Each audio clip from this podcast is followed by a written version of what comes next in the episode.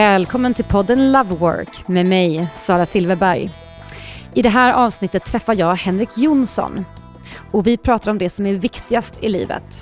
Om djupet, om sommarprat, om historier och hans tankar om Gud. Det här är podden Love Work och jag heter Sara Silverberg. Nu kör vi! Hej Henrik! Hallå Sara! Jag börjar med att fråga dig, eh, hur mår du? Jag mår alldeles förträffligt. Jag är mitt uppe i en tre veckors turné runt om i Sverige på olika idrottsevenemang. Jag har varit på Partille Cup i handboll, Falsterbo Horse Show nu och sen ska jag till Åhus Beach på ännu mer handboll. Vad är det du gör i turnén själv? Eh, I Partille var jag coach för min yngsta son och i Åhus Beach är jag co coach för min äldsta son och sen ska jag spela själv på söndagen. Det är sista dagen på hela turneringen. Och här på hästtävlingen så är du coach. Spelarfru. Nej, Precis. coach. Den dagen som jag blir min fru Malin Bajards coach, då har hon ett problem. och hästsporten också. Alltså vet du vad, det var så att innan när vi satt här och liksom, men, snackade om eh, vilka frågor som var viktigast, Mm. så kom producent Martin, som du känner rätt så väl, upp Mm. med frågan, är du bara en, liksom, är du bara Malin Bajards man? Eh, nej, alltså jag har ju ett liv också. Jag arbetar väldigt mycket och i år så har jag faktiskt arbetat så mycket så jag kan vara ledig den här månaden juli. Jag producerar många sommarprogram i P1. I år är det sex stycken. Det senaste som sändes var Joakim Lundell, känd som Jockiboi tidigare. Jag lyssnade på den. Ja, tyckte du om det? Mm, väldigt mycket. Det var, det var ovanligt, eller jag, ble, jag, blev, jag blev nog förundrad över att det var så pass lugnt och att det var så mycket Joakim Borg och inte, men inget spex. Nej. Det var väldigt bra. Det är en högintelligent människa som är väldigt snäll som har fått lära sig allting om livet själv. Så att han har lärt sig vissa saker i fel ordning genom att börja med att göra bort sig och sen så räkna om och börja igen. Men, men hur gör du? För det, det är en, en grej som jag tycker är, alltså, det är väldigt lätt att det blir, eller det är mycket lättare att vara ytlig och rolig än att vara djup och eh, ärlig. Ja. Hur gör du för att kunna locka fram det ur dina sommarpratare? Jag, jag tror att anledningen till att jag gör de här programmen är att man ska göra dem på riktigt. Och Sommar i P1 är ju så unikt i den bemärkelsen att när vignetten går på så vet man om att de som lyssnar vet att det här är på riktigt. Det är egentligen det enda avtalet man har med, med lyssnaren. Nu ska jag göra någonting på riktigt. Och det funkar av någon anledning inte med ironier. Det funkar heller inte att försöka kosmetiskt skryta lite grann sådär i, i att försöka sälja sin senaste bok eller någonting. Man måste försöka ge någonting av sig själv till den som lyssnar. Så det jag tror att jag gör, om det nu handlar om att locka fram eller hitta någonting, det är att jag är så övertygad om att om inte du och jag gör det här på riktigt så kommer ingen att ta oss på allvar. Och eftersom man bara är två stycken, den som ska sommarprata och jag, så kan vi hålla den nivån mellan oss hela tiden. Och det är därför det är så roligt att jobba med det programmet. För man vet att hur långt kan vi gräva? Mm. Man pratar och pratar och pratar och efter ett tag så kommer man fram till att ah, men det är nog det här vad det här programmet handlar om. En skådespelare som heter Adam Paulsson till exempel, hans program har inte sänts ännu men vi har hållit på att prata om det i flera år. Och han har hoppat av och han har inte haft tid och så vidare. Men i år så körde vi och pratat och pratat och pratat. Och egentligen vad vi kom fram till att det är bara en sekunds skillnad mellan livet och döden. Mm. Och vad gör du den sekunden? Ungefär det är vad hans program kommer handla om. Hur, eh, hur berör det dig? Vad, alltså den här, hela den processen att jobba med människor och, och djupet liksom, och närheten till livet och döden. Vad, så här, vad gör det med dig? Det gör med mig att jag upplever att jag blir väldigt nära vän med de som jag producerar när vi gör hela processen och går riktigt djupt och frågar varandra frågor som jag inte har frågat andra människor. Men jag frågar bara för att vi ska göra ett bra program. Jag frågar inte för att ge tillbaka eller att eh, vilja bli omtyckt. Vilket är lätt hänt i, i synnerhet i kärleksrelationer när man gärna vill bli omtyckt eller om man träffar en ny människa så är det så viktigt att de ska tycka om en. Men man kommer förbi det. Det som det gör med mig som jag är lite förundrad över själv är att, är att när vi har jobbat fram materialet och ska spela in, att då blir jag väldigt cynisk. Jag är den enda som inte gråter ofta i studion. Jag spelade in Markoolios program förra året som var väldigt emotionellt ansträngande för alla inblandade, honom i synnerhet, men teknikern, en tjej som heter Lisa Abrahamsson som jag jobbat med så ofta jag bara kan. Hon storgrät och Marco storgrät och jag sa till henne, bara vänta, vänta och så ber jag honom, läs texten igen, läs och gråt, läs och gråt. För man, de får inte lämna texten, de måste vara kvar i texten. Och när jag säger det till honom så vänder hon sig om till mig med tårar i ögonen och bara, fan vad du är cynisk. Nej, jag är inte cynisk, jag försöker producera ett program. Men sen när jag lyssnar på det i radio, då kan jag bli berörd för första gången på riktigt. Jag lyssnade på Joakim Lundells i radio. Jag gjorde en avstickare på Visfestivalen i Västervik. När han pratade om, nu ryser jag när jag tänker på det, men då var jag inte beredd på effekten i det hela. Han pratade om att han var så ensam så det spelade ingen roll om han levde eller tog mm. livet av sig för ingen skulle märka någon skillnad. Och att han då lever väldigt destruktivt och sen spelar han Johnny Cash låt Hurt. Och när Johnny Cash sjunger I'm building my empire of dirt. Då ryser jag. Ja, jag gör jag nu också, men då fick jag liksom en... Och det var rätt så mäktigt att bli drabbad av någonting man själv har varit med och gjort. Men under processen så är jag nog rätt så eh, målinriktad, målmedveten. Hur, hur ser en sån process ut? Att man träffas. Först brukar jag ju fråga och sen träffas man och sen börjar man prata. Sen måste man prata med varandra väldigt mycket och ha väldigt mycket med varandra att göra och sen definiera hur ska vi få ord på ett papper. Som till exempel, jag har gjort Jonas Gardells program i år också. Han är så extremt duktig på att skriva och på att framföra sitt. Så där sitter jag med och lyssnar på vad han har att säga och så kanske jag tycker lite, kan vi göra lite så här, kan vi lite så här.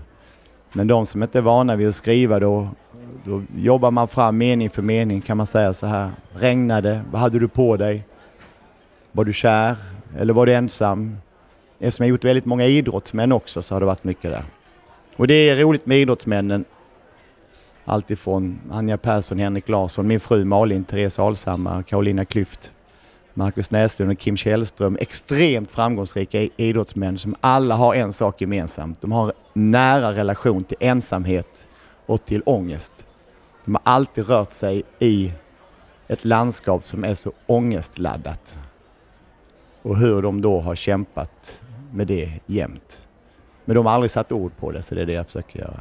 Men är du med och skriver och formar orden? Ja, det är jag. För att det ska bli...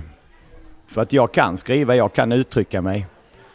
De kan berätta hur de har känt, men det är också så för att det ska bli intressant att lyssna på så får man ju säga vi kanske inte ska säga var matchen slutar utan vi kanske ska berätta vad som hände i omklädningsrummet istället. Hur kände du då?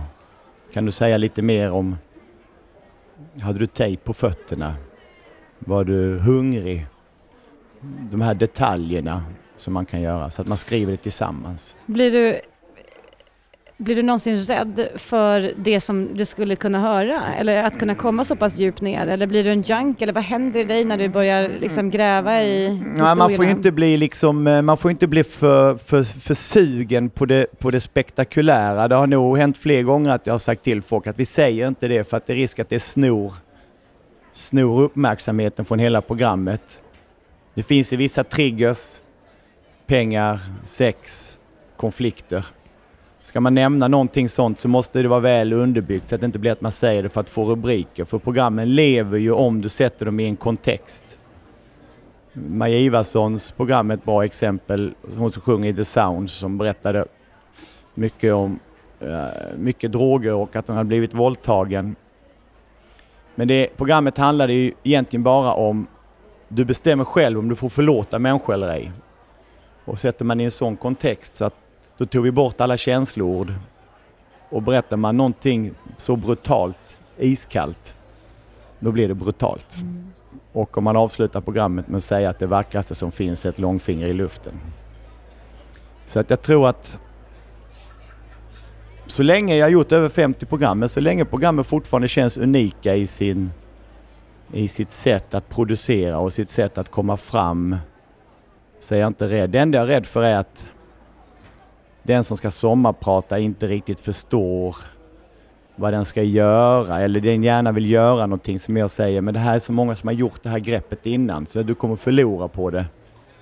Och att de ska förstå det efter programmet för ofta så sommarpratar man ju bara en gång. Så mm. att om jag ska producera ett program med dig så vill jag att du ska känna efteråt, jag gav allt.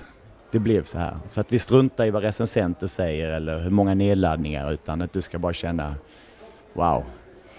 Det är intressant det där för att men det är också någon form av, du måste ha en så otroligt lugn och mm. vara så pass grundad och vara så pass beredd att höra så mycket ja, men, känslor mm. och historier. Eh, men det krävs nästan att du nästan är en psykolog, alltså du måste vara så pass redo för det. Hur, alltså... Ja, man får inte vara rädd för att någon annan blir ledsen. Det är ju ett, ett flyktbeteende oftast ifall någon blir ledsen. Tår, gråt, tårar gör ju att man gärna vill trösta eller skoja för att bli av med det som är det jobbiga. Men det är ju precis som du säger, och jag har inte tänkt på det innan, men det krävs ju nog snarare att jag också ska kunna vara svag och bara sitta kvar. Och den som läser är ledsen för att det är någonting som har hänt. Och den flyktbeteendet, det vet jag ni gjorde Peder Fredrikssons sommarprogram förra året, vi pratade mycket om det. Det var ju hans stora förändring som ryttare att, att hur ska jag intellektuellt bestämma mig för att kunna bli snabbare än de andra? För är man nolla i grunden så är man ofta så nöjd så att man tycker att det är okej okay att göra en halvdan runda. Men det är väldigt stor skillnad på den promillen som går in och försöker slå bästa tiden och gör det med jämna mellanrum och när de misslyckas så tycker de att det är okej okay för jag höll mig till planen. Och sen de övriga 99,99 procenten, så när man frågar hur gick det så säger de inte att de kom åtta utan de säger jag var nolla. Mm. Och det är ju, det ena är ju en fin prestation, men det andra är ju en prestation av att vinna. För när du rider in och ska slå 33 och 18 så kan du rida in på 35 och det är okej. Okay, men det är en flyktkänsla. Det här är jobbigt. Så när han gjorde det både i Rio och i Göteborg på EM att nu när det är sista dagen och jag är felfri, då kommer min kropp säga till mig fly. För det här är ingen härlig känsla. Jag kan bara göra fel.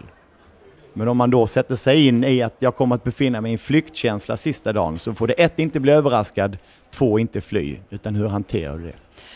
Jag blir intresserad av det här också, för att, alltså, att, att du berättar det här är en sak och, och hans berättelse hur han gör är ju men så här, är ju, han är ju makalös vad gäller hans fokus och sättet att jobba på. Men vad har du lärt du, du hör ju så många historier och liksom, men, pivots i människors liv mm. som också är livslektioner.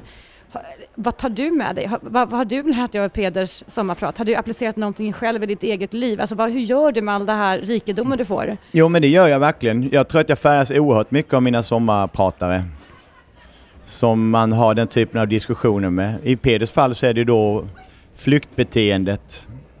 Jag gjorde med både ett sommar och ett vinterprogram med Kjell Enhager som är en oerhört duktig coach.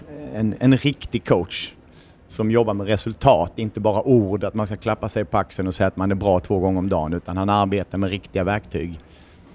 Hur man älskar läskigt. Att nu börjar det här läskiga komma. Hur kan jag omfamna det? Om jag nu upplever mig som en ambitiös människa som vill något, som har drömmar, att jag då inte springer därifrån när jag väl börjar hamna där. Så att jag har nog lärt mig mycket av sommarpratarna, för det är både gott och ont. De flesta sommarpratare har det gemensamt att de har lyckats med någonting. Så det, man hör väldigt mycket historier om hur de har misslyckats och sen slutar med att de lyckas. Men jag tror jag kan höra ibland strofer från vissa program. Skådespelerskan Sofia Helin som spelade Saga i Bron bland annat. Eh, hennes program handlade mycket om att gå i terapi men också när du är i en depression, ligg still. Res dig inte upp och, och låt den slå ner dig, ligg still.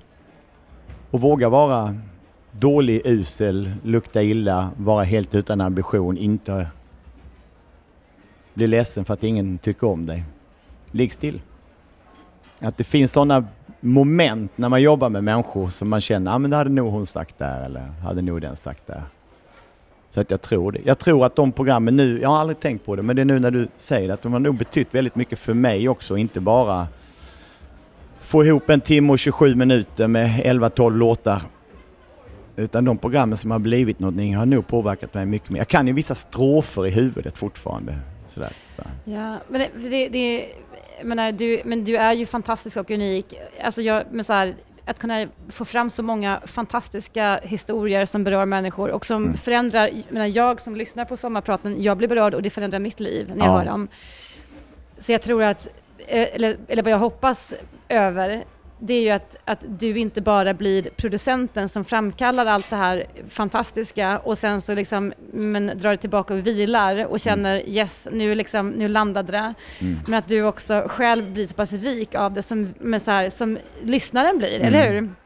Ja, det är roligt. Jag försöker ju, det året som har varit har jag börjat skriva böcker mer i hopp om att se om det går att berätta själv. Jag översatte ju en biografi som jag blev väldigt glad för idag. Sydsvenskan idag faktiskt har på första sidan och de tyckte den var bra. Men då märker man det här är en annan... Det här är en författare och en tennisspelare. Det är tennisspelaren Andre Agassiz självbiografi. Men då kändes det som att jag satt i rummet. Jag, jag fattar precis hur de har gjort det här arbetet. När jag översätter kan jag ibland översätta nästa mening utan att läsa den för jag vet hur de driver sitt. Jag har sett liksom deras noter sett deras kod någonstans vid sidan 312 av 500. Och jag hoppas ju att den, det som du säger, att den, det är en viss teknik att berätta, att den te berättartekniken, att jag ska kunna göra någonting mer av den och hitta på saker själv och berätta. Men om, om, om du inte skulle berätta andras historier, utan mm. om du skulle vara sommarpratare själv, ja. vad hade ditt program handlat om? Jag vet faktiskt inte. Oj, jag är rädd att eh, jag är rädd att det är ungefär som duktiga sångare som spelar för mycket coverband. De har liksom ingen egen ton kvar men de kan härma Bon Jovi, Jason Mraz och alla Aviciis intagna sångare. Men när man ber dem sjung från hjärtat så, så blir det ingen ton av det. Jag tror att om jag skulle sommarprata så skulle det behöva vara något väldigt konkret, typ mina fem bästa kompisar mina fem första flickvänner. Det måste vara något väldigt tydligt. För annars skulle det bara eka av andra människors sommarprat Men vad har varit dina, liksom, mm, ja, men dina livsomvälvande händelser mm. i livet som har förändrat dig i liksom, ja, men där, där du har fått göra en hel omvändning eller verkligen mm. lärt dig någonting? Um, de pågår ju hela tiden. Jag känner mig jag blir, numera går jag blir väldigt glad när jag känner mig naiv eller när jag känner mig nyfiken eller att jag kan nästan bli lite lättlurad så man inte faller ner i den här cynismen som, som jag vet att jag har i mig. Men en stor grej var ju när jag inte gick på universitetet utan började jobba istället med, med, som receptionist. Det var ju en, en så kallad turning point. Och sen så är det ju... Vad hände då? Nej, alla i min släkt och alla mina kompisar och är man från Lund så, så går man till, antingen till universitetet direkt eller som på den tiden gör lumpen och sen universitet eller så reser man jorden runt och går på universitetet. Men det ska alltid liksom, det är nästa steg. Men det gjorde inte jag och jag tog mig nästan åtta år att förstå att jag har valt någonting annat. Detta är inte väntan på att börja plugga. Vad var det som, som gjorde det beslutet? Vad var det som du kände? Att det gick att bli vuxen utan att gå på universitetet att det gick och att man faktiskt kunde bestämma så mycket själv över sitt egna liv. Eh, och sen så försökte jag komma in en gång till på juristlinjen då i Stockholm. Och då hade jag programledarkontrakt på TV3 och hade dels en ordnad ekonomi och en bostadsrätt. Och gick dit och kände det här är inte för mig. Nu är det jag som bestämmer. Och det kan jag tycka är roligt med att bli äldre att för varje år så blir det lite svårare men ännu roligare att hela tiden hitta, hitta sina vägar. Som i år till exempel nu så är jag redaktör för TV-prisgalan Kristallen som sänder på SVT 30 augusti. Men jag vet inte vad jag gör 1 september. Jag har ingen aning. Förhoppningsvis ska jag skriva och så har jag några konferencierjobb. Eh, men det kan jag tycka är, är spännande. Men vad är det, vad är det som, du, som, som men som du får ut av det, eller vad du, liksom, det, nu låter det väldigt klyschigt, men mm. vad du drömmer om. Men, så här, men, så här, men varför är du på jorden? Förstår du? Så här, ja. Vad är det du gör här egentligen? Om du skulle dö, vad känner du att du verkligen skulle vilja lämna för gåva till liksom, andra? Jag har arbetat med den formuleringen för mig själv länge och jag tror att det som jag alltid kommer tillbaka till det är att försöka berätta om min samtid. Vad var 2019? I år är det ju de här sex sommarprogrammen som jag producerar, eller Kristallengalan, en tv-gala som vars uppgift är att sammanfatta året. Men när jag bara gör saker som ska vara roligt eller underhållande eller spekulativt så fattar jag aldrig riktigt varför jag gör det. Men om jag ska lämna efter mig någonting så är det nog en hög berättelse som berättade om någonting, hur det var när jag levde. För mina jag har inget stort behov av att berätta om mig själv och jag har ingenting emot det heller som när vi sitter här och pratar. Det finns inget att dölja eller jag känner att oh, det här är, kommer för nära. Men jag tror också att det har att göra med att det är ett sätt att förstå tiden och att man alltid försöker ställa sig bakom en berättelse och inte framför den. För det är hemskt med människor som tror att det är de som är poängen. Början, slutet, det är mitten. Utan om man ställer sig bakom, för det är väl som med konst, musik, film, böcker. Kulturens uppgift är att vi ska förstå den tid vi lever i. I synnerhet som man nu pratar om det, att vi lever i en förvirringens tid. Så det är ännu viktigare att kunna, att kunna försöka berätta om den. Man kan berätta om Joakim Lundell som kommer från någon slags grupp i samhället som är osynliga. Men det är de som bor i alla de här höghusen man kör förbi till sin hästgård innan man åker tåg till Stockholm och jobbar i innerstan och åker tillbaka. Att kunna berätta om dem också och inte tro att man vet utan försöka fortsätta vilja veta. Mm. För egentligen skulle man ju, alltså alla, om, om du lyssnar noga så kan du göra ett sommarprat med vem som helst. Alla har en unik historia som har ja, men, turning points och mm. lärdomar som kan berika andra och berätta ja, men, om samtiden. Ja. Det handlar bara om det var förresten min stora idol Joe Strummer som sjöng i punkgruppen The Clash som sa det. Everybody has a story. Det handlar bara om du har förstått din berättelse. Dels hur den faktiskt var eller om du förväxlar med hur du vill att den ska vara. Eller hur du vill framstå som. Och därför är det viktigt om man är två att jag säger till dig att Sara, jag tror att det här är din berättelse. Ja, men det kanske är, men jag skulle vilja framstå som att jag är lite mer en Riviera-tjej som dricker champagne. Ja, men det kan vi göra också, men då måste vi förklara det. Var det för att du växte upp på vatten och bröd som gör att du nu vill det? Hur långt är man beredd att plocka upp av sina sina egna grejer. Det är ju lätt hänt om man har tjänat väldigt mycket pengar så har ju folk en, en fäbless för att berätta att de började med två tomma händer. Och är man en väldigt vacker människa så vill man gärna säga att man blev mobbad i skolan för att man var tjock och ful. Och, att, och sluta med att skönheten sitter på insidan. Och har man mycket pengar så vill man sluta med att berätta hur mycket man skänker. Det finns liksom färdiga berättelser. Men man kan hitta saker vilka frågor andra. är viktiga att fråga sig själv eller fråga andra för att få fram den här? Jag tror, eh, vill jag det här?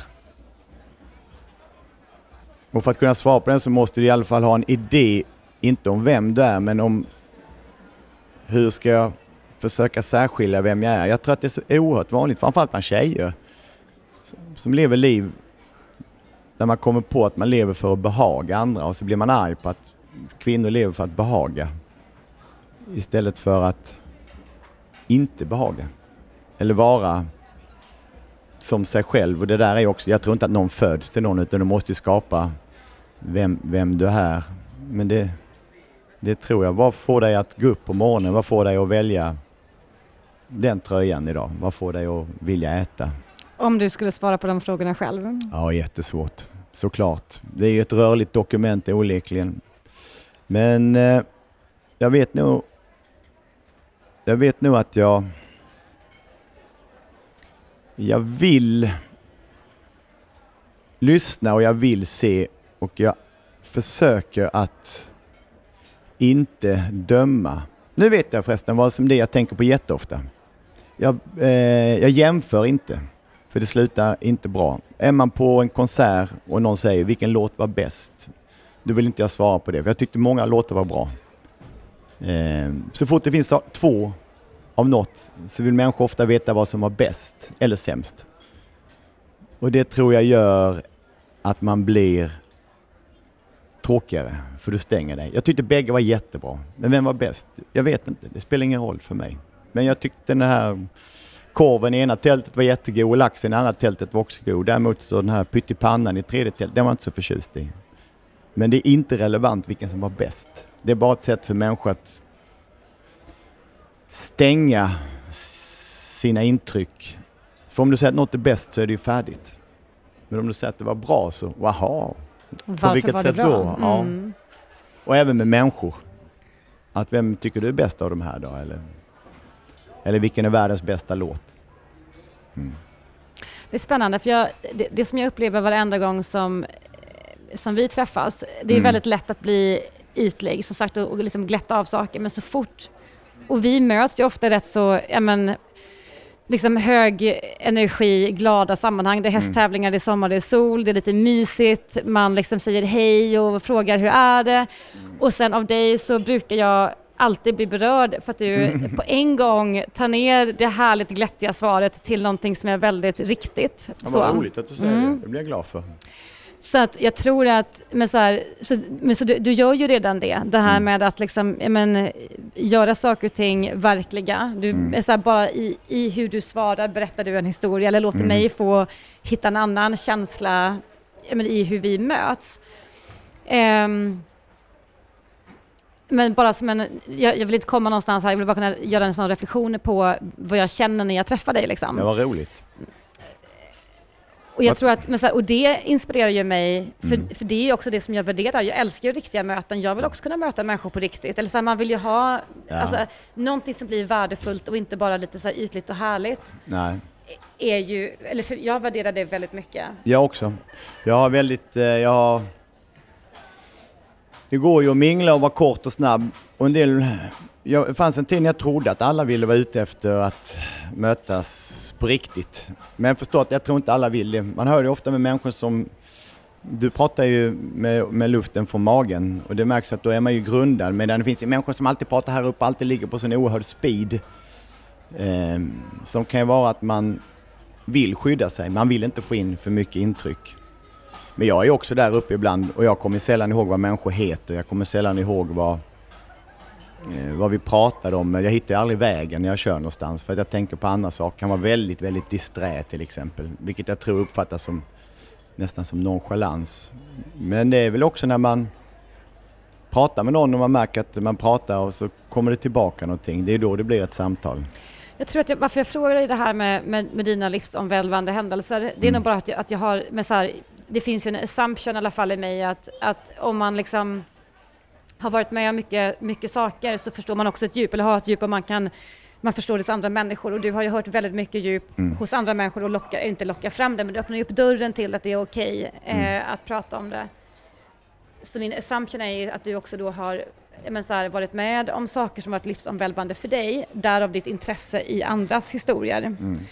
Eh, eller det här, om man nu tror på spiritualitet, att du är en gammal själ. Ja, den där är ju väldigt spännande. Jag har inte alls varit, varit i, i den typen av eh, tankar ännu, men jag kommer nog också komma dit där. Jag tror att det finns något större och jag tycker det är roligt, eller det är enkelt att kalla det för Gud, för att annars blir det inte, annars blir det inte värt att leva om det inte finns något större. Det här kan inte vara allt och kan också uppleva att kroppen och huvudet är en begränsning. Hade jag inte varit bara i den här kroppen så kanske man hade kunnat vara någonting större. Men vad tror du på? Eller vad är, vad är det som dina funderingar går när du tänker på existens och liv? Jag tror, reinkarnation kan man ju tro på som en tanke att man ska födas vidare. Jag vet faktiskt inte. Jag tror ju på, på Gud i bemärkelsen att någonting är större. Och jag tror ju på att Bibeln är en bra bok att läsa om man vill veta vad som är rätt och fel. Jag tror däremot inte på religion som ett, en levnadslag eller och jag kan för lite om andra religioner. Man förstår ju de som får muslimer, det är att det är en religion som har egentligen en ännu djupare kärleksreligion. Där man inte ska låna, man ska inte begära ränta av varandra utan man ska låna för att hjälpa varandra. Eller katolikernas sätt att hela tiden kunna få förstå, eller förlåtelse i bikten. Vår kristendom är ju, bygger bara på att offra sig. Vi är extremt plikttrogna. Du får inget om du inte anstränger dig. Upp och kör, kom igen, sitt inte där och deppa, häng upp. Att det är väldigt mycket man ska slita, det är tufft att jobba mycket, det är tufft liksom. Och, Arbeit macht frei. Ja, verkligen. Och bara kör hårt och sen så blir man förvånad över att folk går i väggen. Eller så har man semester och då har man så in i helvete med semester så man kommer hem helt utsketen. Fast det där är ju också intressant därför att men så här, för, alltså, ja, men om det är det som, här, om det är det som du men, så här, ja, men, känner liksom, att mm. livet egentligen, men så här, att det är bra att tro på någonting som är större, det är bättre, det är bra att kunna känna lyckan i att kunna få ge än att få, mm. eller allt det här som är, ja men liksom, ja men de här, ja men liksom övre, ja men du vet, Mm. In, men så här, inte kanske skriften eller lärarna, men alltså de här tankarna om, om livet som, som ändå finns i olika typer av religioner. Ja. Eh, och att de bygger på många hundra års tankar och erfarenheter. Vi tenderar ju att tro att varje... Ten, människor tenderar ju att tro att de är unika i bemärkelsen att de är någon form av undantag. Ja. Det är bra att alla andra gör så, men jag behöver inte göra det. Men, men, men jag måste bara få komma till det som jag tänkte på, för att jag, vill, jag vill höra dina tankar om det. Mm. Och det är det här, men så här, men, men, för det är mycket godhet i det, de här liksom större då, den här, liksom, de här tankarna om livet. Om att, men just det här med att, som du säger, de, de har funnits i så många tusentals år. Eh, och sen så lever vi i, i dagens samhälle där allting, där, eller inte allting, men det väldigt mycket handlar om att kunna synas och det är liksom din egen identitet på sociala medier, det är konsumtionssamhälle, det är att kunna arbeta mm. hårt för att kunna lyckas i form av pengar eller framgång eller titlar eller whatever liksom. Så här, vilken inneboende frustration har du? Konsumtionen. Vi köper saker i hopp om att vi ska bli någonting och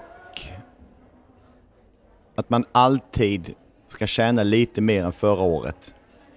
Det är en apokalyps i bemärkelsen att försöka ta en större bit av någonting som är begränsat lite mer varje gång. Det kommer inte att hålla. Och att människor går in och handlar saker för att de är billiga. Jag behöver inte 12 toaborstar men de är billiga. Så jag köper dem, för det här är en bra affär. Henrik, nu måste jag avbryta dig, för vet du vad? Det låter som att de sjunger nationalsången inne på yep. hoppbanan och din kära fru ska rida först av alla. Ja, det ska bli oerhört spännande. Fan vad det ska bli roligt. Så jag tror att du måste gå nu, eller, ja. eller ser du tavlan därifrån? Eller du kanske vill gå och ställa dig... Jag måste se det live, jag måste höra ja. andningen, jag måste se ansiktsuttrycket, jag måste se liksom, måste höra det här tunga i gräset här, det ekar ju lite också i i det. Jag det känner mig liksom stressad och nervös ja, ja, för nej, din skull. Jag har några raska steg härifrån. Men, men det var ju trevligt alltså, att träffa dig Sara. Ja men detsamma. Det känns som att så här, jag, jag, så här, det finns så mycket mer att prata om. Jag har mm. bara så här, börjat så här, skrapa på ytan, det är allt det som jag skulle vilja mm. veta och höra. Men om du skulle göra en snygg avrundning här, du som är expert på det, mm. vad vill du skicka med alla lyssnare? Att var, vi kan gå vidare på konsumtionen, att nästa gång du ska köpa någonting och har bestämt dig för att köpa, vänd ryggen mot kassan, ta upp tinget, titta på det och säg Hej, älskar du mig? Och får du inte ett rungande ja då så gå och lägg tillbaka det och gå och handla dig en kopp kaffe istället. Tack Henrik.